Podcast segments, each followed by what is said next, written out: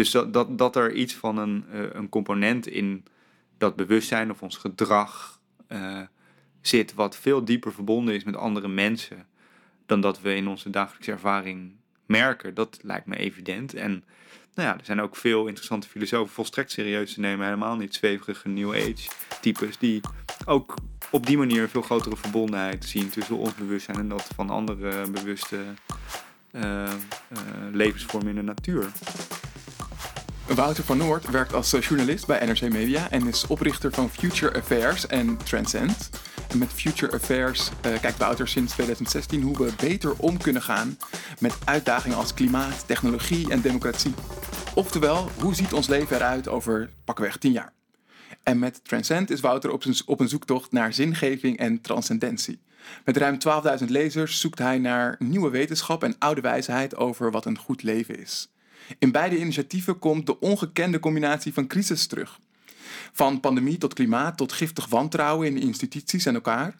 De turbulentie van de laatste tijd hangt volgens Wouter direct samen met een nog grotere crisis: de crisis in zingeving.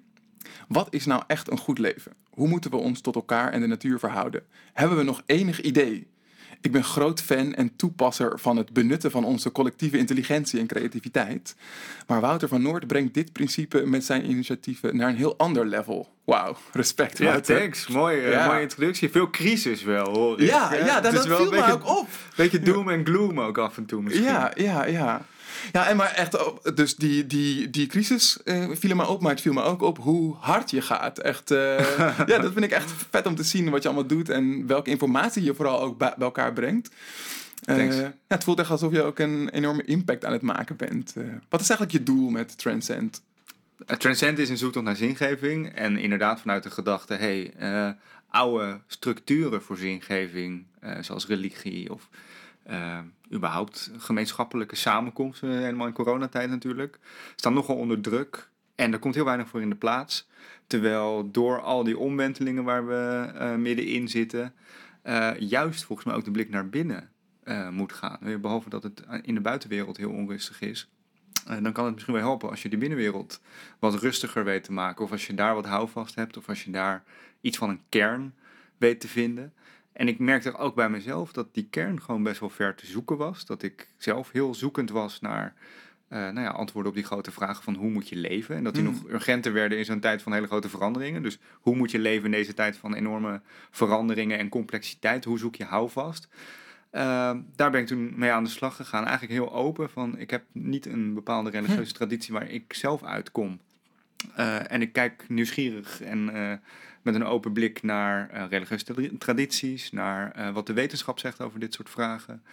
Uh, dus op die manier probeer ik een beetje voor mezelf houvast te vinden. En nou ja, wat je zegt, het slaat inderdaad best wel aan. En zeker via LinkedIn veel reacties en heel veel lezers die met mij meedoen op die zoektocht. Dus blijkbaar raakt het een snaar. blijkbaar hebben meer mensen een soort van die, die, die honger naar iets van houvast en, en, en het vinden van een kern. Ja, het klinkt ook bijna een beetje ehm, als uh, de vroegere filosofie. Hè? Dat, dat je op zoek gaat naar hoe te leven. Ja, het is natuurlijk de eeuwige vraag. En ik, heb, ik denk ook niet dat ik uh, straks ineens over een paar weken uh, mijn lezers ga vertellen. Nou, weet, weten jullie wat? Ik heb het nu gevonden. gevonden ja. Uh, maar tegelijkertijd merk ik wel dat door deze vragen wat dieper te doordenken en wat dingen samen te brengen. En uh, nou, van, van, van oude wijsheden uit filosofieën, uh, uit oude Oosterse tradities. Dat te combineren met nieuwe wetenschappelijke inzichten uit hersenonderzoek over hoe je, hoe je brein werkt. zelfs uit de kwantumfysica, inzichten over wat de aard van de realiteit nou is. En daar komen ook echt best nou ja, mind-blowing uh, inzichten uit de kwantumfysica over dat als je uh, kijkt naar materie op het allerkleinste niveau, dat daar misschien wel een rol voor bewustzijn of waarneming is weggelegd, hoe die materie zich gedraagt. Nou, dat roept weer allerlei hele diepe filosofische vragen op. Dus ik probeer een beetje die combinatie te vinden van uh, die eeuwige vragen en de nieuwe wetenschap erover. En dat een beetje te koppelen aan deze tijd van grote veranderingen om nou, een beetje een ankertje te vinden ja. of zo. Ja. Hey, wat gaaf dat je luistert naar de Creators Podcast. De podcast die je helpt om meer uit je ideeën te halen. Jij bent geweldig, dat weet ik gewoon. Maar laat jij wel genoeg van jezelf zien?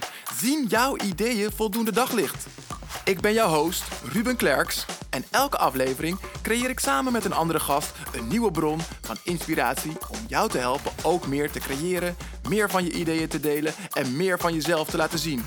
Luister lekker verder, raak geïnspireerd en dan, niet langer wachten, laat jezelf zien, maak die ideeën waar.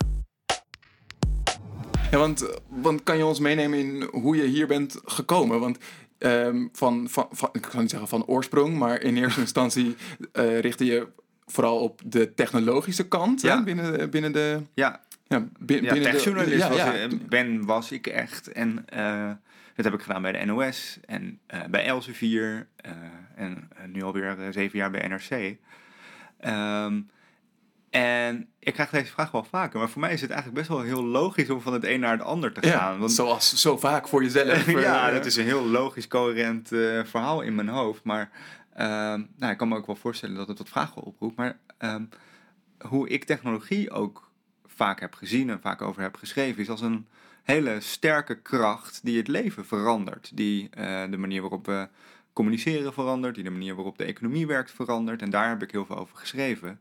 Alleen als je daar dan over schrijft, komen ook andere vragen op. Door die grote veranderingen, door die disruptie, door die maatschappelijke omwentelingen. En nou ja, eh, je zou eh, ook wel kunnen zeggen dat technologie vaak een rol heeft in systeemverandering. Een, een, een systeem van dingen doen en hoe je maatschappij inricht en hoe je leeft. En eh, dus ook hoe je vragen beantwoordt wat een goed leven is. Dat is toch ook altijd een beetje technologisch ja. eh, ingeprent. En eh, nou ja, voor mij is het dus heel een, best wel logisch vervolg op eerst uitpluizen, hey, hoe verandert technologie ons leven? Nou, nogal sterk. En dat zet nogal heftige veranderingen in gang. En hoe ga je dan goed om met die veranderingen, zowel persoonlijk als maatschappelijk? Nou, dat is mijn journalistieke fascinatie. En daar hoort deze vraag van hoe je goed leeft ook bij, Ja. vind ik. Ja, het klinkt ook wel alsof in eerste instantie de technologie eh, leidend is en daar ons leven volgt. En je, en je nu veel meer kijkt nog naar een stap terug. Ja. Wat we dan echt willen en hoe technologie daar misschien bij kan helpen. Ja, technologie is, raakt wel wat meer op de achtergrond, merk ik, in die, Ja? in die zoektocht. Eh, het is volgens mij een van de krachten die, eh, waar, waarbij het soms voelt als er alsof er een soort aardbeving gaande is. Of er een soort storm over je heen komt. Als je kijkt naar de snelheid van technologische veranderingen, en zeker eh, nou ja, alleen al die smartphone. eh, ja, hoe snel dat is gegaan, hoe, hoe, hoe snel dat apparaat Mm. bijna, wat is het, een kwart van je wakkere tijd heeft gekoloniseerd en daarmee ook allerlei Ja. veranderingen in gang heeft gezet. En nou ja, dat, dat eh, wordt nog eens een keer versterkt door allerlei andere stormen en aardbevingen die nu gaande zijn. Van nou ja, de, de ecologische crisis eh, die grote problemen geeft. Eh, corona is natuurlijk ook zo'n nou ja, behoorlijke heftige gebeurtenis die ook een beetje zo van buiten lijkt te komen. Heel veel op zijn kop zet, heel veel disruptie veroorzaakt. En die combinatie van disruptie en in sommige gevallen crisis leidt ertoe dat er wel heel veel aan het schuiven en bewegen en beven is. Waardoor, nou ja, dat, eh, ik kwam laatst een heel mooi eh, citaat tegen van Søren Kierkegaard, een, een Deense filosoof. Is niet dat ik die nou dagelijks op mijn nachtkastje heb liggen, maar Ik ben hem toevallig nu aan het lezen. maar, maar in, in, in, in, in tijden waarin de golven om je heen heel hoog zijn, dan gaat de blik naar de sterren. Gaat omhoog. Want als je de blik naar de golven Ja. wendt, dan zie je alleen maar die schuimkoppen en dan, nou ja, dan eh, vergroot alleen maar de angst. En in tijden van omwenteling en woeligheid, denk ik dat het heel natuurlijk en heel, ook in de geschiedenis heel menselijk is geweest om omhoog te kijken. En Ja. van wat is dan het eeuwige en wat zit er eigenlijk boven ons? En vandaar ook die, die transcendentie die ook een beetje als een draadje door die zoektocht heen loopt. Van ja, ehm, daar zitten misschien ook wel Ja. eh, draadjes voor interessante antwoorden of zo. Precies. Ja, misschien goed om dat even te ontleden. Want wat is transcendentie eigenlijk? Ja. Ehm, ik heb het een beetje gepikt, de, de titel van mijn nieuwsbrief, van een boek van een eh, psycholoog, een Amerikaanse psycholoog, Scott Barry Kaufman. Dat boek heet ook Transcend. Gaat over de wetenschap achter ego-transcendentie. Dus hoe overstijg je het ego? Eh, transcenderen is daar echt het overstijgen van Mhm. nou ja, de eh, impulsen en belangetjes en eh, gevoeligheden en angsten en zo van het ego. Nou, daar blijkt hele stevige wetenschappelijke literatuur achter te zitten. En waarom ik de titel ook mooi vind, is omdat hij ook verwijst naar eh, nou ja, wat, wat in heel veel, ook oude wijsheidstradities, een, een element is, is de vraag: is er meer? Is er iets wat de aarde en de mensen overstijgt? En dat overstijgende, ja, dat, dat vind ik fascinerend. Volgens mij hebben we daar allemaal nog niet een heel sluitend antwoord op. Is dat misschien ook wel de eeuwige vraag die mensen zich stellen? Is er meer? En Ja. eh, nou, daaraan gekoppeld, als er meer is, hoe moet je dan je leven inrichten hier op aarde? Ehm, dus vandaar transcend. Ja. En en ik heb, ik heb ook wel eens volgens mij in, in je nieuwsbrief eh, gezien dat je hem ook koppelde aan de piramide van Maslow. Ja, nou, dat, dat, daar, daar zit wel een, eh, eh, eh, een koppeling in inderdaad. En het, toevallig het werk van die Amerikaanse psycholoog Scott Barry Kaufman is helemaal gebaseerd op het onderzoekswerk van Maslow. Die Ja. natuurlijk veel meer heeft bedacht dan alleen de piramide van nou, de hierarchy of needs. Dus de, hiërarchie van behoeftes die je in je leven afwerkt. Van veiligheid tot eten. En eh, verderop eh, de, de eh, belonging. En eh, uiteindelijk dus ook eh, betekenisgeving en misschien wel transcendentie. Als soort van fases die je doorloopt ook in je leven. Eh, vaak een beetje eh, aangezwengeld door een crisis die je doormaakt. Maar je, je, je komt, dat merk ik ook in mijn eigen leven. En ik denk dat dat, dat, dat een vrij natuurlijk proces is. In verschillende fases van je leven erachter. hey, eh, nu vind ik dit belangrijk en nu vind ik dat belangrijk. En er, er zit een soort hiërarchie, denk ik, in dat als je op een gegeven moment eh, dat ego eh, helemaal hebt bevredigd en alle dingetjes hebt gedaan die je dat ego graag wilde en die succesvolle banen hebt en eh, als je een beetje geluk hebt gehad in het leven tenminste. Eh, eh, en dat er dan toch een punt komt waarop je denkt, eh, is dit het nou? En eh, ja, een beetje de, de typische dertigers dilemma vraag of eh, sommige mensen zullen hem hebben Nou, als je, een, trouwens, dat vind ik al best wel snel als je, al, als je, als je, als je alles al hebt geregeld en set bent op je, op je Ja, nou, je alles is, een 30ste. gro- is, is misschien een groot eh, woord hoor. Maar ik denk dat veel van die ego-wensen en eisen en eh, eh, die piramide die je dan afloopt wat betreft het ego, draait toch om het krijgen van erkenning, eh, het hebben van eh, genoeg geld, eh, aandacht. Nou ja, dat is iets wat als je geluk hebt in dit leven, en dat heb ik heel erg gehad.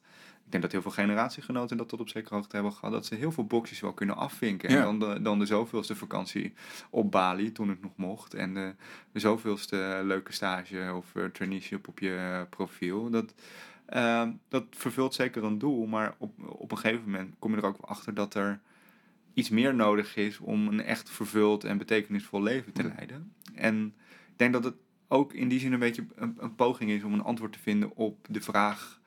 eh, wat dan wel? Als, Ja. als, als, dat, als het niet die ego-behoeftes zijn die je uiteindelijk gelukkig maken, omdat die uiteindelijk eh, vooral honger geven naar meer.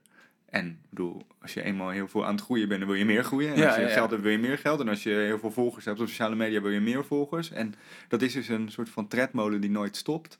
En eh, ik denk dat door de hele geschiedenis heen mensen altijd hebben gekeken naar die transcendentie of het overstijgen van het ego. Als hé, hey, misschien zit daar dan toch nog eh, een soort van bevrijding van die tredmolen waar het altijd maar meer Ja. en meer en meer moet en ook geen eh, eh, bevrediging gaat geven. En kun je in die transcendentie iets, iets, iets mooiers vinden. Hmm. Denk je trouwens dat we, het komt nu zo ineens in me op, dat, dat we daar in fases over kunnen slaan? Het valt me namelijk op Ja. dat, dat mensen die met transcendentie be- bezig zijn, en ik schaar jou en mezelf daar, daar, daar ook onder, zijn al die eerdere fases doorgegaan. Dat we of een poging hebben gedaan om die Ja. ego-rijkdommen te vergaren, of ze misschien zelfs al wel hebben Ja, vergaard. En dat we dan op dat punt komen van, hé, hey, is er niet eigenlijk meer? Maar denk je dat we die fase ook over kunnen Ja, slaan? dat is een goede meteen- vraag. Dat is, eh, de, eh, de piramide van Maslow is, eh, is academisch staat die best wel onder druk. Ja. In de loop van de decennia best wel wat onderzoeken geweest die uitwijzen dat het niet zo volgordelijk is als eh, die piramide voorstelt. Dus dat je misschien inderdaad bepaalde stappen kunt overslaan. Of, eh, eh, ik vraag me dat toch wel heel erg af. Ook eh, als je gewoon. Eh, er is een ander eh, model van eh, ontwikkeling. Ik weet niet of je het kent, Spiral Dynamics is een, eh, ook een model wat de verschillende fases van bewustzijnsontwikkeling beschrijft bij mensen. En je, je kent het misschien wel van de kleurtjes van rood en oranje en groen. Dat je, nou ja, het wordt vaak voor die persoonlijkheidstestjes gebruikt. Maar waar, het- waar dat model ook over gaat, is dat je in je eigen bewustzijn een bepaalde ontwikkeling doormaakt. En dat, da- daar blijkt toch wel uit dat je bepaalde stappen gewoon eerst goed Hmm. moet hebben doorlopen voordat je eh, eh, naar iets hogers kan komen. Eh, dus en- als, je, als je er ook kijkt vanuit dat, dat we gewoon in, in, in eerste instantie ben je qua ontwikkeling afhankelijk van degene die voor jou zorgen als jong kind. En vervolgens Ja. ga je daarvan losmaken en draait alles om Precies. jou en hè, zelfontplooiing. Ja. Dat moet je eigenlijk altijd doorgaan. Nou, en even om die stappen in de Inspire Dynamics goed te beschrijven. eh, bijvoorbeeld, je, je hebt één spiraal die draait vooral om orde en discipline. Na de orde en discipline eh, komt er meer ruimte voor eh, persoonlijke groei en ontwikkeling en ego-dingen. Na ego-dingen komt er meer ruimte voor groepsdingen en voor gevoeligheidsdingen. En als je die eh, niveaus hebt afgewerkt, dan kan je in dat model naar de second tier gaan. Nou, dan nou, maak je een grote sprong richting systeemdenken. Alles is verbonden met elkaar, alles is afhankelijk van elkaar Mm. en alles is, nou, het is complex en het is een systeem. En eh, dan ga je in ecosystemen denken. En de stap daarna, die draait om holisme en ook om wat spiritueler denken en eh, de hogere staten van bewustzijn bereiken. Maar wat je volgens mij heel erg ziet, ook maatschappelijk, is dat die orde en discipline, eh, dat dat niet iets is wat we maatschappelijk de laatste jaren heel erg hebben meegekregen. Hè? Eh, we zijn niet zo opgevoed, denk ik, de meeste van ons. Die zijn eigenlijk, wij zijn redelijk snel in de ego en de groei en persoonlijke ontwikkeling en vernieuwing gaan zitten, zonder dat we, nou ja, eerst even gewoon leerden op een rijtje te staan op school. Of, Ja. eh, weet je, of je bed op te maken. Bijna, bijna wars zijn wij daarvan. eh, Ze- de- Er zijn, eh, denk ik, door eh, de, ge- de generatie van onze ouders best wel een beetje sceptisch daar tegenover opgegroeid. Maar je merkt nu toch dat daar een grote behoefte aan is. En volgens mij zie je dat heel duidelijk aan bijvoorbeeld het succes van zo iemand als Jordan Peterson, zo'n hele conservatieve eh, psychiater, die vooral beroemd is geworden. Eh, nou ja, een beetje als anti-woke eh, activist. Maar ook omdat hij een soort. Anti-woke. Ja, maar ook Als omdat. Nou, hij, hij vindt eh, eh, eh, het, het uitkiezen van je pronouns en zo, vindt hij eh, eh, dat dat niet eh, opgelegd moet worden op universiteiten en zo. Ehm, maar hij is vooral heel erg groot en beroemd geworden, eh, omdat hij een soort van vaderfiguur is. Die eh, massa's jonge mannen eh, een soort van orde en tucht en discipline bijbrengt. En je moet gewoon je bed opmaken en je kamer opruimen. En eh, volgens mij laat dat zien dat er dus als je één fase overslaat maatschappelijk, dat er toch een soort van honger blijft naar niet afgewerkte eh, niveaus van die bewustzijnsontwikkeling. En ik denk dus wel degelijk, en, maar dat, eh, goed, de, de, de- daar heb ik geen wetenschappelijk onderzoek naar gedaan, maar volgens mij zie je dat ook maatschappelijk gewoon, dat er dus wel een, nou ja, je moet, je moet wel zorgvuldig zijn met stappen overslaan, omdat elke stap heeft ook een doel om jouzelf te ontwikkelen. En eh, je kunt pas gezond aan je ego gaan werken als je ook een beetje orde en discipline hebt. En je kunt pas eh, gezond aan groepen gaan werken als jij eh, je ego gezond en, en wel op orde hebt. En je kunt pas aan ecosystemen gaan werken als je echt kunt denken in groepen. En ook de beperkingen ziet van alleen maar denken in groepsgevoeligheden. Dus ehm, ja, ik denk wel dat dat met elkaar te maken heeft. En dat die transcendentie, dat eh, het er uiteindelijk over gaat om dat model zoveel mogelijk te kunnen overstijgen. Maar je moet denk ik oppassen met dat het wel eh, gewoon werk vergt. En dat het dus ook niveaus zijn die je wel moet integreren. Ja. in. Ja, ik zou, zou, ik zou ook niet willen suggereren om een qu- quick fix te zoeken of een, of, of een hack om snel naar die transcendentie te gaan. Maar het kan meer voort uit dat het me opvalt dat het, dat het een bepaald type mens is of in een bepaalde fase in hun leven die. Die hier open voor staan of Maar je ziet bijvoorbeeld, om nog even dat punt, want eh, ik, daar, door wat je zegt moet ik daaraan denken. Door, het, eh, er is natuurlijk een neiging om het inderdaad wel te zien als een quick fix. Ja. Door eh, dingen als meditatie en zeker psychedelica. Nou ja, je hoeft maar naar de Zuidas te gaan. en elke bankier heeft er wel eens een ayahuascatje eh, Ja. eh, gedaan. zijn. Daar zijn ze aan het microdosen. en, Microdose. eh, ja, ja. En eh, ik denk dat het op zich, eh, dat het netto eh, helemaal geen negatieve beweging is. Alleen dat je wel ziet dat als je dat vanuit een soort van heel erg ego-gedreven wereldbeeld of zelfbeeld doet, dat het hele andere dingen oplevert dan als je het vanuit een ecosysteem eh, benadering doet. En eh, dat als je die transcendentie, en die kun je dus bijvoorbeeld bereiken via eh, een psychedelische ervaring, als je die gebruikt als quick fix om andere fases over te slaan, dat je dan een risico neemt. En Ja. dat je dan, Want wat voor risico zou je dan nemen? Nou, wat je denk ik wel ziet in die psychedelica wereld, is dat het ook wel heel erg wordt gebruikt als iets hedonistisch, als iets escapistisch, als... Mm. eh, nou ja, eh, el- elke twee weken even microdosen. Of, eh, Ja, en, en, en om, het, om je performance te enhancen in plaats van om echt in een hoger bewustzijn te komen. Precies. Eh, ja, dat klinkt ook eh, verslavingsgevoelig. Eh, als, je, Ja. als je het gaat inzetten om iets te ontsnappen in plaats van... ja, als je die gaat ontsnappen of als je, gaat, als je het gebruikt om een soort van turbo te zetten op je productiviteit of op die persoonlijke groei. Volgens mij draait het er juist om dat die transcendentie uiteindelijk ertoe leidt dat die persoonlijke groei wat minder relevant wordt en dat, het, dat de groei van het geheel belangrijker Ja. wordt voor je. En Nou ja. misschien een beetje, een beetje zweverig hoor. Nou maar- ja, nee, ik, toch maar, een van de redenen waarom ik het zo leuk vind om hier bij jou... eh, we zitten in een eh, slaapkamer, dus normaal ik zeggen bij jou in, in, in de Ja, ik heb in even de, was aan de kant gehaald Ja, inderdaad. Eh, maar een van de redenen waarom ik het zo leuk vind om met jou te spreken, was omdat als ik kijk naar mijn platform en mijn bedrijf, dat gaat heel erg over zelfonderzoek en zelfontwikkeling. Ehm, en, en soms jeukt het bij mezelf. Ik heb nu in één zin drie keer het woord zelf gezegd. en dat, dat zo gaat over zelf, zelf, zelf.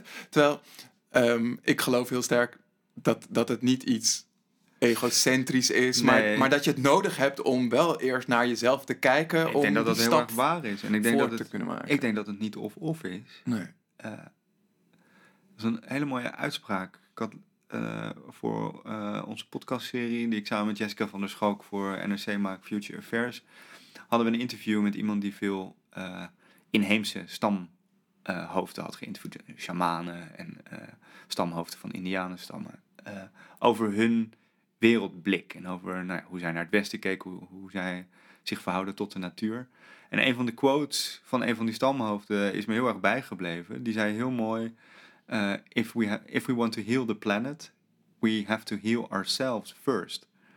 Dus, en daar zit denk ik heel veel wijsheid in, dat je kunt pas je gaan inzetten voor het ontplooien van het grotere geheel, of het, of het beter en gezonder maken van het grotere geheel, als je ook jezelf een beetje gezond hebt gemaakt. En als je compassie hebt naar jezelf. Ja. En als je, eh, als je jezelf lief vindt, dan pas kun je de wereld lief gaan vinden, denk ik. Ja. En eh, ik denk dat daar wel heel veel wijsheid in zit, waar ook uit blijkt dat het niet elkaar hoeft uit te sluiten. Maar dat als je zelfontplooiing of zelfontwikkeling doet met als doel om er alleen maar zelf beter, beter van te worden, dat je dan de verkeerde afslag neemt. Maar als je jezelf wil beter maken, omdat je dan eh, meer kunt betekenen voor de doelen die je nastreeft, die buiten jezelf liggen, die transcendent zijn misschien. Eh, ik denk dat daar, daar zit wel een, iets interessants in, waardoor het, nou ja, zelfontplooiing eh, heel erg hand in hand gaat met je inzetten voor een groter doel. Ja. ja, heel herkenbaar. Ja. Ik had ook een, een andere mooie term die iemand daar laatst over eh, eh, vertelde, eh, liet vallen, was fractal flourishing. Fractal flourishing. ja, zal ik zo even uitleggen. Dat is van Jeremy Lent, de schrijver van mijn lievelingsboek van afgelopen jaar, The Web, The Web of Meaning. En fractal flourishing, dus fractaal tot bloei komen. Een fractal is een wiskundige vorm die bestaat uit miniatuurversies van zichzelf. En het bekendste voorbeeld is een varen. Die bestaat uit eh, een tak met, de bla met eh, een blaadje. En die blaadjes bestaan uit kleine blaadjes. En die blaadjes bestaan uit kleine blaadjes en zo verder. En eh, om, tot, om het hele geheel tot bloei te laten komen, moeten ook de kleine blaadjes bloeien. In een fractal, dus in een Ja. vorm die met elkaar verbonden is, waarin miniatuurversies verbonden zijn aan grotere versies en aan het grotere geheel. Waardoor, nou ja, je moet dus al die onderdelen laten opbloeien om echt eh, tot, be- tot betere oplossingen te komen. En eh, vond ik een heel mooi, heel mooi beeld, omdat het volgens mij heel erg raakt ook aan de situatie waar we nu zitten. Dat we misschien de laatste jaren maatschappelijk wel heel veel nadruk hebben gelegd op eh, het tot bloei komen van de allerkleinste blaadjes van de individuen. maar dat is heel beetje, misschien wel inge, ingezoomd, misschien wel zelfs navelstaarderig. Ja, en we nu- zijn misschien zelfs helemaal vergeten dat we ook onderdeel zijn Ja. van, het, van, het, van die grotere plant. En van, de, van die grotere eh, structuren en blaadjes. En eh, de gemeenschap en, en, en de ecosystemen zijn een beetje uit beeld geraakt. Omdat we zo bezig waren met onszelf. We zijn heel erg afgescheiden geraakt van elkaar en van de rest van de natuur.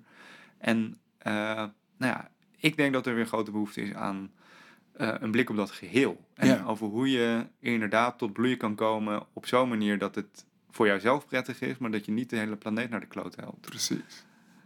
En hoe zouden we dat kunnen doen? Eh, Want het, het inzoomen her- herken ik heel erg in dat zelfonderzoek. eh, Dus Ja. naar, naar jezelf en je eigen rol en handelen kijken. Hoe Ja. zouden we meer ook af en toe kunnen uitzoomen om dat grotere geheel te zien?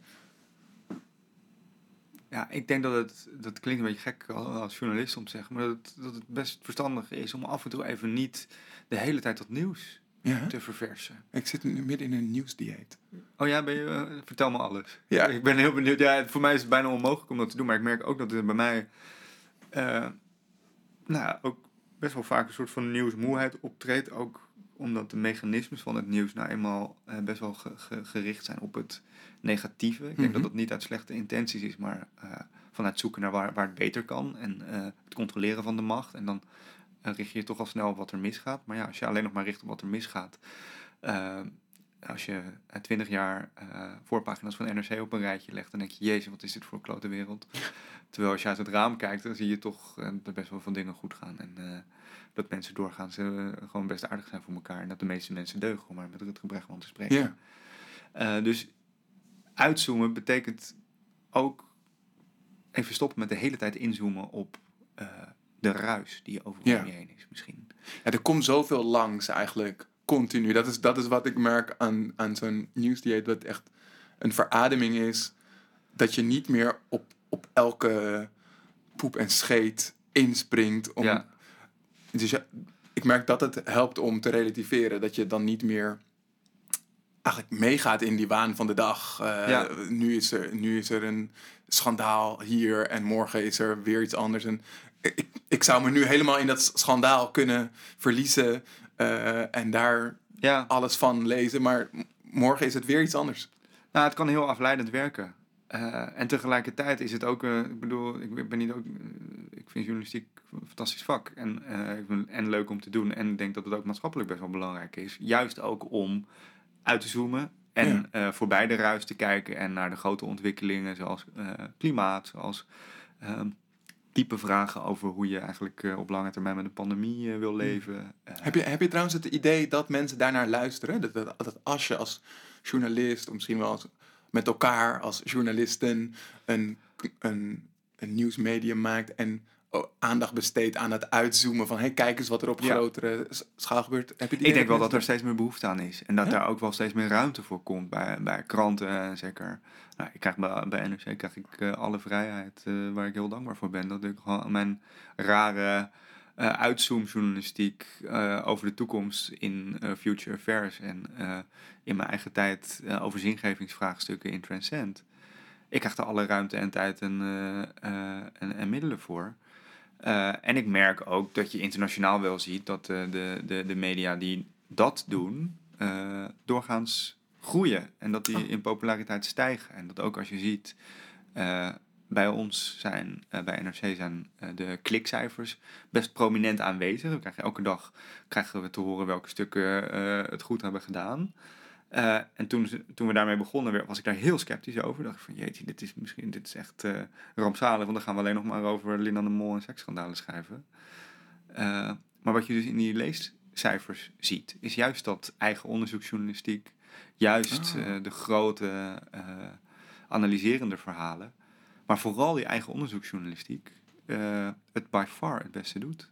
Oh, wat goed. Dus ehm, er is wel hoop, eh, denk ik, ook in de journalistiek, dat ehm, nou ja, lezers en eh, nou ja, mensen zoals jij en ik hebben daar ook veel meer behoefte aan dan de hele tijd die schandaaltjes die we overal al om ons heen zien en al die ruis en al die afleiding die op alle sociale mediakanalen al tot ons komt. En nou ja, dan heb ik toch nog wel hoop dat, dat professionele media zoals kranten en eh, Ja. eh, eh, platforms als de correspondenten, Follow the Money en zo, dat, eh, daar is wel behoefte aan. En eh, wij zien oplagen ook enorm stijgen. Dat ver- verwachten ook heel weinig mensen. Maar het gaat echt supergoed in de kwaliteitsjournalistiek.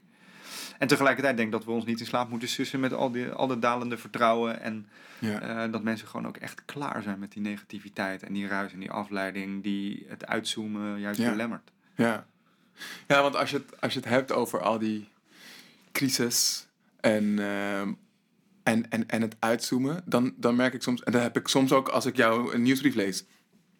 Wow, dit is zo groot, dit is zo ingewikkeld. Ja. En ik ben blij dat hij op zondag komt. dan heb ik gewoon rustig de tijd, Ja. mits de kinderen lekker eh, ook rustig aan het spelen zijn, dat ik rustig de tijd heb om het te lezen. Maar ik merk dat ik het echt nodig heb om het überhaupt soms te kunnen vatten wat, wat er nou eigenlijk Ja. staat of wat het betekent. Maar dat is dus ook precies de bedoeling. Dus ik ben wel blij dat dat lukt. Eh, en eh, toen ik die zingevingsnieuws begon, dacht ik, oh ja, op welke dag zou ik dat dus doen? Zaterdag is al bezet voor Future Affairs. En ja, zondag zingevingsdag. Ja. Best wel logisch. Ja. hè? Dat, is, dat is een van die oude structuren die, eh, waar een beetje de klad in is geraakt eh, eh, de laatste decennia. Dus is niet dat jij om 11 uur de bel luidt en dan... nee, nee, absoluut niet. Nee, we- we- toevallig wel. dat was eigenlijk de bedoeling om dat een hele reeks te maken in Arminius hier in Rotterdam, in een oude kerk. over vragen rondom bewustzijn, psychedelica. Vragen over hoe je eh, uit je hoofd en in je lijf eh, komt en wat uit dat denken en uit de ruis van het dagelijkse bestaan stapt.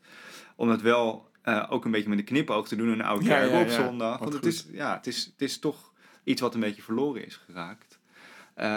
En waar we volgens mij ook tijd voor moeten nemen. En, en ja, een beetje de term juist nu is wel heel erg platgeslagen.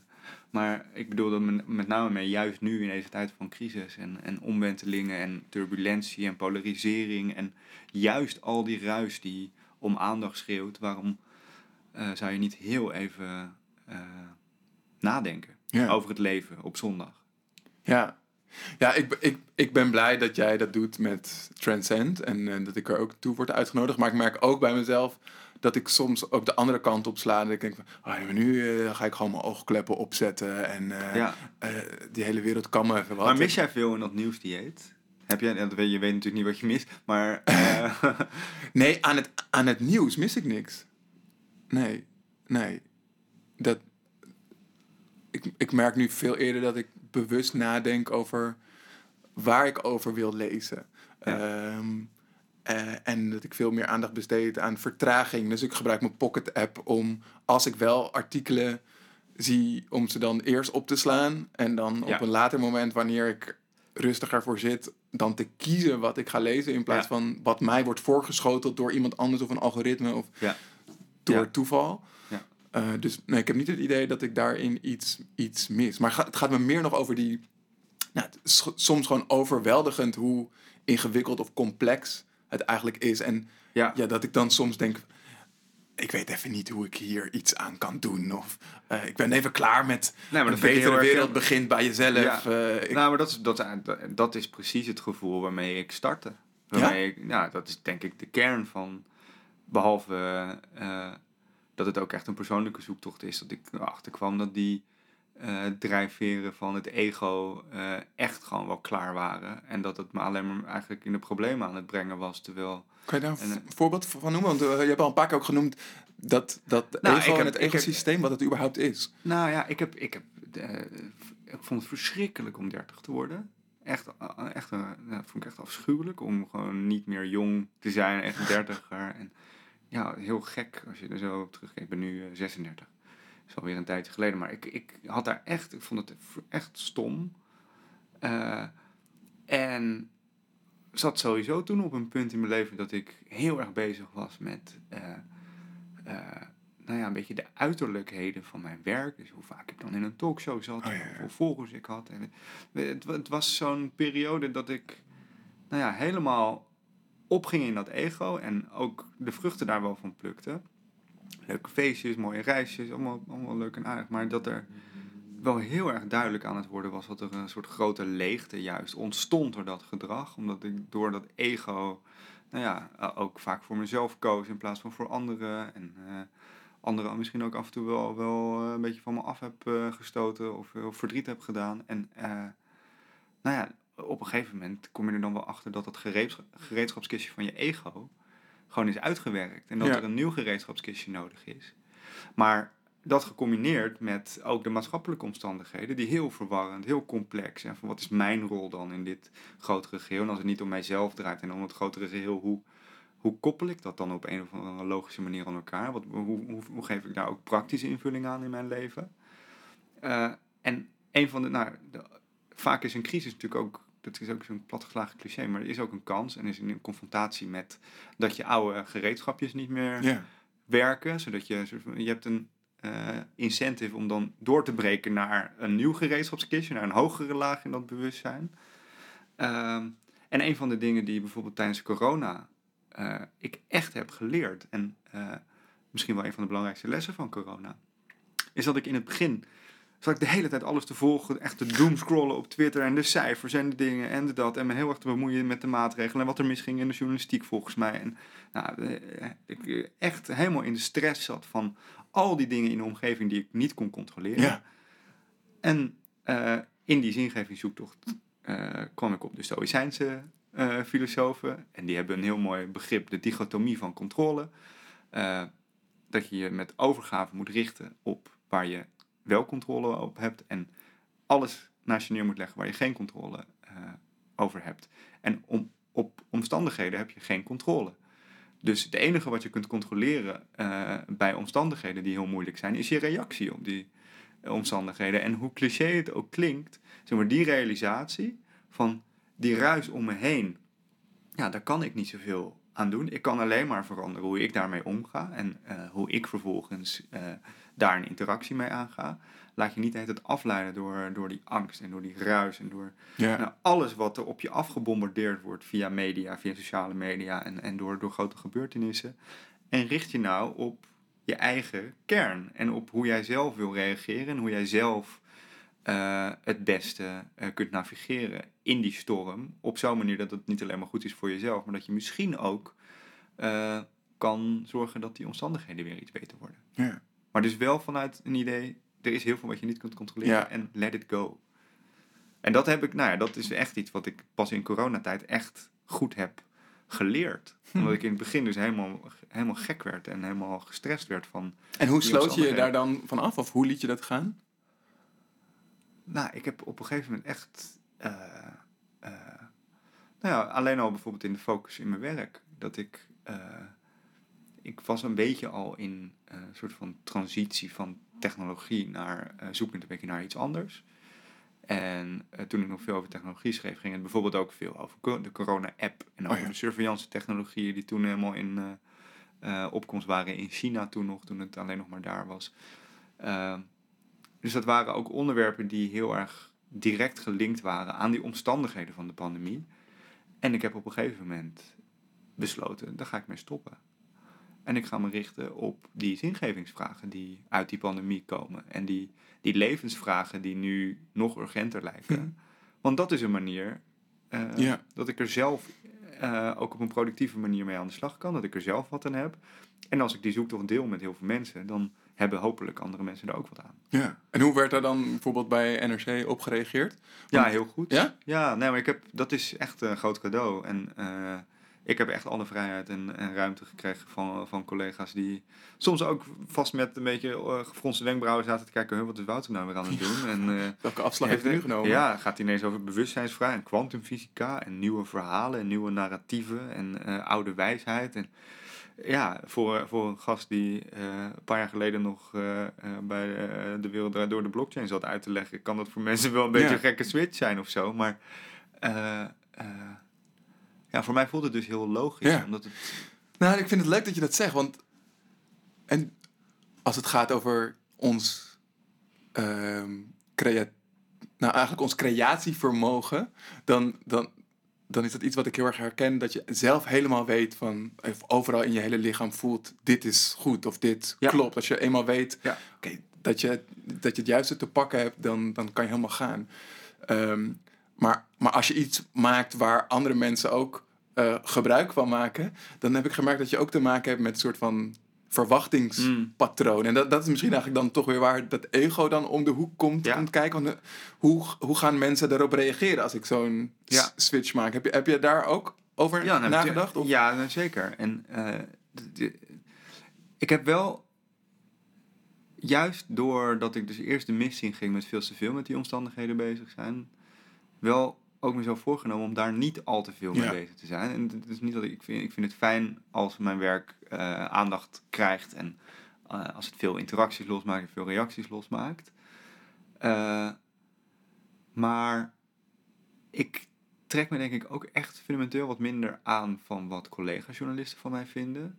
Als, als, als deze thema's niet in het standaard rijtje zit van onderwerpen waar je journalistieke prijzen mee wint of waarmee je de voorpagina had, dan doet mij dat oprecht minder dan het een paar jaar geleden zou hebben gedaan.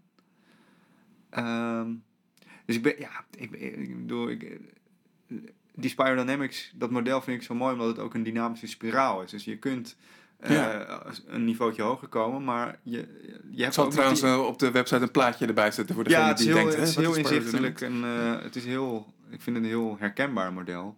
Maar het is ook een model waaruit blijkt dat je ook die lagere, die, die, die, die eerdere bewustzijnsfases altijd in je hebt. En Ja. dat die dus ook terugkomen. En dat er, nou ja, als je een slechte dag hebt, kan je weer eens vol in dat ego zitten. Of als je even bang of onzeker bent, kan, kan je je natuurlijk anders gedragen dan als je vol eh, net even lekker hebt gemediteerd of hebt gesport en eh, of in een flow zit na een creatieve inval eh, Ja, en helemaal, nou ja, die hogere zelf aan het voelen bent. Eh, en ja, dat heb ik natuurlijk ook. Dat ik af en toe ook toch stiekem nog likes zit te tellen. Of eh, ja, dat, ja dat, dat gebeurt nog wel, ja. ja. Ja, Maar ik, ik- wat, ik- wat, wat ik vooral heb gedaan, denk ik, dat, dat is de switch geweest, is dat ik eh, door die omstandigheden meer te durven negeren, dat ik ook wat dichter bij mezelf durf te zijn. En dat dat eigenlijk zich eh, ook weer uitbetaalt, juist in Ja. eh, meer impact en groter bereik voor het werk wat ik doe. Dus dat je ook ziet, daar zie je misschien ook die fractal, dat als je jezelf op orde hebt, dan kun je ook tot bloei komen en eh, nou, ja, wat bijdragen aan het grotere Ja. geheel of zo.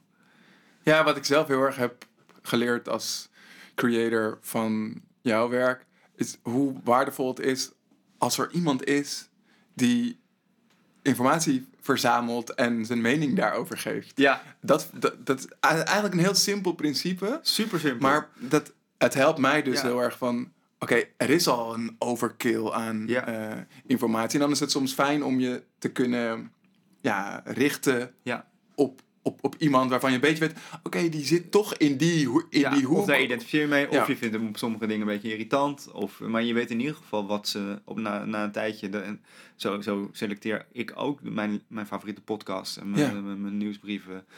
Dat zijn mensen met een interesse waarvan nou, dat is tof. Eh, en vaak ook een levenshouding waarvan je denkt, van, nou, daar kan ik ook wel wat mee. En ook dat je op een gegeven moment ontdekt, ja, hey, zit hij weer op zijn stokpaardje te rijden. En daar ben ik het niet mee eens in deze link. En wat ik probeer in mijn nieuwsbrieven is inderdaad precies zo'n rol, een soort van- van curator Ja, rol te hebben. Een curator is iemand in een museum die eh, bepaalt welke kunstwerken er hangen en hoe ze er hangen en welke beelden ernaast staan en eh, wat het verhaal wordt van het museum. Het is niet iemand die de schilderijen zelf maakt, maar die de schilderijen mooi verzamelt en ophangt en oppoetst en er een, eh, eh, een logisch verhaal van maakt.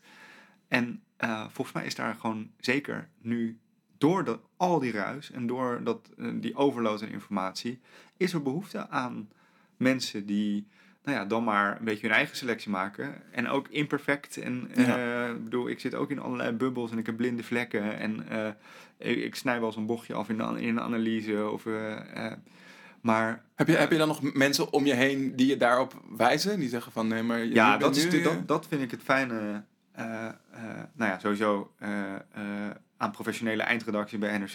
Dat Ja. er gewoon een eh, eh, Frank Huiskamp is dat bij ons, eh, die, die wekelijks mijn eh, nieuwsbrief naleest. Nou, die heeft altijd wel wat eh, te zeiken. Hij heeft altijd wel iets, en dan terecht, dat hij zegt, deze formulering is niet goed, of eh, is, deze, is deze gevolgtrekking wel logisch, of eh, zou je dat nou wel zo zeggen? Of je zegt nu al twintig keer dat er iets aan het opborrelen is, zonder dat je dat echt hard maakt. En, eh, en dat is wel een verschil met Transcend, wat ik in eigen beheer doe, zonder professionele eindredactie. Maar daarvan denk ik ook weer, daar krijg ik zoveel reacties op van lezers, dat dat Ja. ook weer een soort van filter is van mensen die me eh, eh, dingen, eh, toevoegingen aanreiken, correcties aanreiken, in discussie gaan, zeggen wat, wat je nou uitkraamt slaat nergens op, blijf bij je leest. Het, het, het houdt je scherp en Ja. zeker als het opbouwend is, is dat eigenlijk ook een soort van vorm van eindredactie die Ja. dat proces Ja, en co-creatie puur eh, Ja, iedereen draagt wijsheid. ja. ja, ja, ja, ja.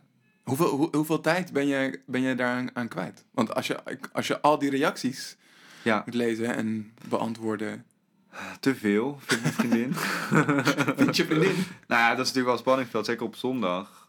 Eh, eh, ja, het kan wel eens voorkomen dat ik dan toch eh, wel eventjes bezig ben met het beantwoorden van eh, binnenkomende reacties en zo. Wat dan vervolgens weer in de weg gaat zitten dat ik op zondag tijd met mijn geliefde en mijn zoontje doorbreng. Wat weer niet heel goed is voor je zingeving. Dus dat is wel, ja goed, dat, dat blijft wel een beetje balanceren.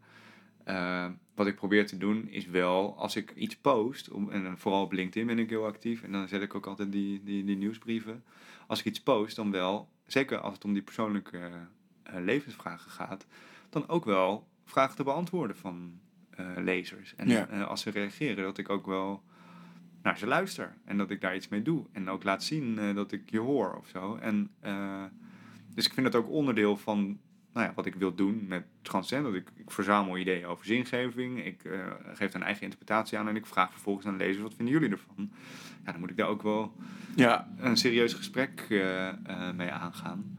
Dus dat kan soms wel veel tijd kosten. Kijk, op zich, het voordeel is... Voor mijn werk als journalist lees ik heel veel. Eh, ik luister een podcast. Dat is natuurlijk het grote cadeau van journalist zijn. Is dat, eh, ik wo- word gewoon betaald om eh, toffe interviews te doen met Ja. mensen. En research te doen. En dan van wetenschappelijke boeken tot leuke podcasts na te pluizen op, op, op interessante ideeën. Dus ik krijg heel veel binnen. Ook via mijn netwerk krijg ik allemaal tips en dingen. En daar, ja, dat, dat is dus al mijn werk. En dan is het vaak een kwestie van een paar uurtjes, twee of zo, om er een, een mooie strik omheen te zetten. En als het een moeilijker onderwerp is, soms wat langer. Eh, dus ja, per nieuwsbrief, wat zal het zijn? Het verschilt een beetje. En het, eh, ja, een moeilijke onderwerpen ben je zo een dag mee bezig. Natuurlijk, Ja. als je ineens over kwantumfysica iets wil doen, dan kom je er niet meer weg om in twee uurtjes eventjes het eh, bij elkaar te flansen. het zou Maar- knap zijn als, het, als je Ja. er iets zinnigs over kan fabriceren in, in twee uur.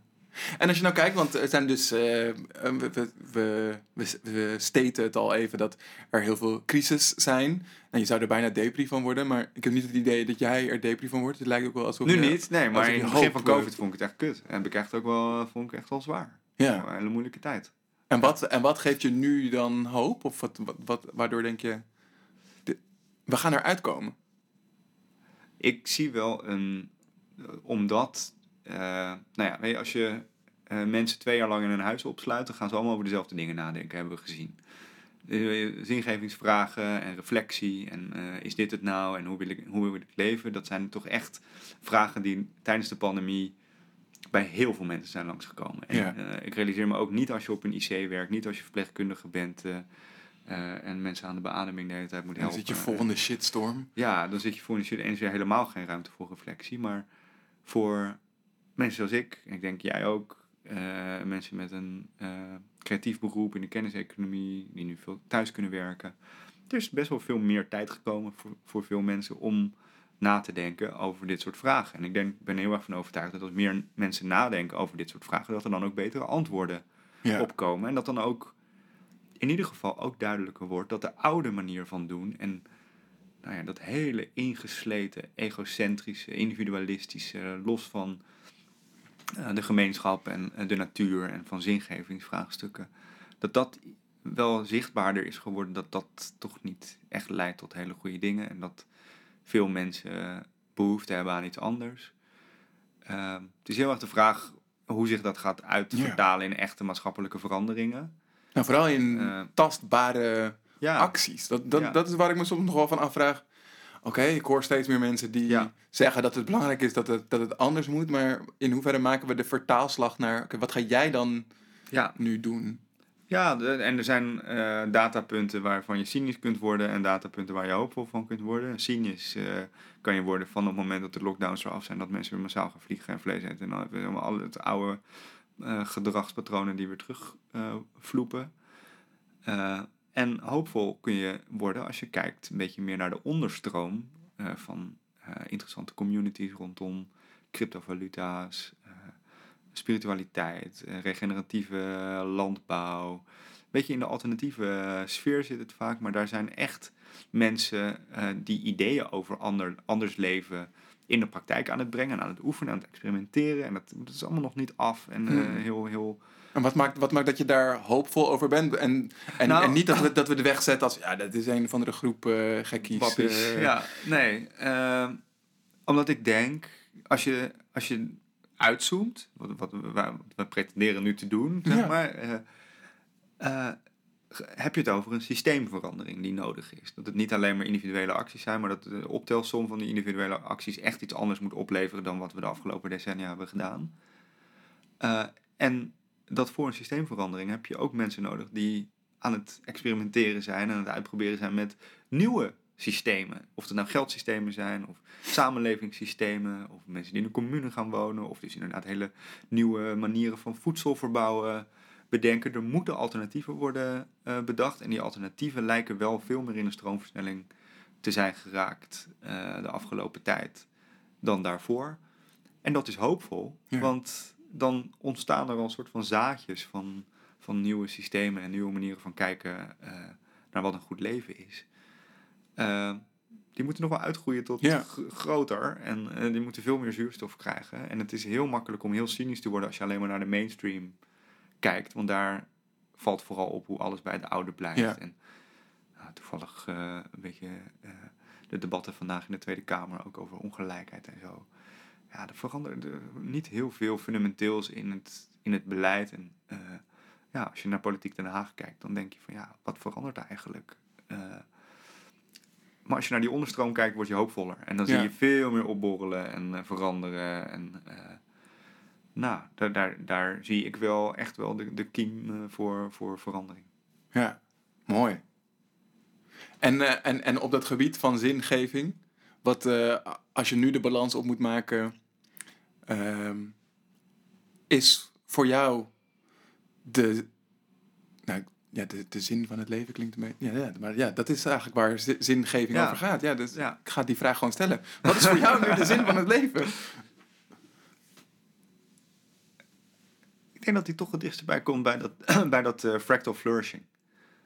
En dat dat een inzicht is wat ik wel eh, meer heb gekregen en ook meer snap. En ook wat meer met vallen en opstaan. Ik ben absoluut geen heilige. En, eh, eh, maar dat ik wel me veel meer bewust ben dat ik onderdeel ben van een veel groter geheel. Dat om een goede bijdrage te leveren aan het grote geheel, dat ik ook eh, zelf gezond moet zijn en goed in mijn vel moet zitten. En mijn eigen behoeftes goed, moet, eh, goed in moet voorzien. Maar dat het uiteindelijk niet daarom draait. Nee. Dat, en dat het toch draait om het grotere plaatje, om eh, meer balans met de natuur, meer balans met een gemeenschap. Eh, en dat zijn een beetje abstracte termen en het klinkt een beetje vaag. En ik bedoel, ik eh, doe allerlei dingen die nog niet passen in een soort van dat ideaal. Weet je, als, je- als je als het straks weer mag in een kroeg Ja, ja, ja. een schaaltje bitterballen voor mijn neus zet, dan weet ik niet of ik ze, of ik ze laat staan. Maar ehm, ja, ik denk wel dat er door die zoektocht wel iets in mij aan het veranderen is. Ehm, en dat het tegelijkertijd ook nog best wel abstract en vaag is. En dat het dus ook nog niet klaar is, die zoektocht. Nee. Ja, en als je dat vertaalt naar het fractal flourishing, als jij een klein ehm, kopie of identiek plaatje bent van het grotere geheel, dat als er iets in jou aan het veranderen is, dan zou je ook kunnen betogen dat er misschien ook wel iets Maar in het grotere geheel... maar daar ben ik dan ook wel steeds meer van overtuigd. Ook Ja. door me te verdiepen in, in vraagstukken rondom bewustzijn. Maar hoe kan het dat wij een, een, een persoonlijke ervaring hebben? eh, waar wetenschappers heel lang eh, eh, aannamen dat dat een product is van je hersenen. Eh, beginnen daar toch echt hele interessante andere alternatieve hypotheses over te ontstaan. Omdat je, de, de, de oorsprong van het bewustzijn niet goed kunt terugvinden gewoon in hersenactiviteit en in stroompjes. En dat er uit de natuurwetenschappen, en natuurkunde vooral, eh, misschien wel aanwijzingen zijn dat bewustzijn iets is wat in heel veel dingen in de natuur voor, voorkomt. En Niet er alleen is voorbehouden aan, aan mensen, mensen. of nou ja, dat, dat, dat die illusie van afgescheidenheid en van uniekheid Ja. van, je, van je eigen ervaring, dat dat dan dat dat inderdaad een soort illusie is en dat er in dat bewustzijn een veel grotere verbondenheid zit met ander leven. En, Ja. eh, een, een En- collectief bewustzijn. ja. Nou, en daar hoef je nog niet eens heel zweverig voor te zijn, ik, Nee. om dat te ervaren en om dat te zien dat dat af en toe een rol kan spelen. Dat je, dat je alleen al in, in grote mensenmassa's je heel anders gedraagt dan Ja. als je in je eentje bent. En dus dat, dat, dat er iets van een, eh, een component in dat bewustzijn of ons gedrag eh, zit, wat veel dieper verbonden is met andere mensen dan dat we in onze dagelijkse ervaring merken. Dat lijkt me evident. En nou ja, er zijn ook veel interessante filosofen, volstrekt serieus te nemen, helemaal niet zweverige New Age types, die ook op die manier een veel grotere verbondenheid zien tussen ons bewustzijn en dat van andere bewuste eh, levensvormen in de natuur. Nou ja, dat geeft toch wel aan dat het misschien inderdaad meer een soort van fractal is. Dat we Ja. inderdaad een soort mini-blaadje zijn in een veel grotere plant of veel grotere boom. Eh, en wel, eh, dat, dat blaadje moet ook gezond zijn, maar die boom, daar draait het uiteindelijk om. Ja. Mooi, dus eigenlijk ehm, samenvattend eh, goed voor jezelf zorgen en goed voor het grotere ge- geheel zorgen. Ja. Daar ook aandacht aan besteden. Samen tot bloei komen in plaats van dat je afgescheiden tot bloei komt. Ja. Leuk. Ja, wij, wij noemen dat binnen onze community co-elevating. Ja, Ze el- el- el- elkaar Ja. omhoog helpen. ja, Ja. ja. Nou, dat vind ik ook een mooi woord. Mooi. Dankjewel, Wouter. Heel graag gedaan, was een leuk gesprek. Ja. Wil je verder praten en in actie komen over dit onderwerp? Ga dan naar onze website creatorscompany.nl en bekijk en luister welke vraag en oefening Wouter nog voor je heeft om verder te werken met fractal flourishing. In de volgende aflevering spreek ik met Siets Bakker, auteur van Rake Vragen, over systemisch werken en het laten stromen van je ideeën. Tot de volgende Creators Podcast.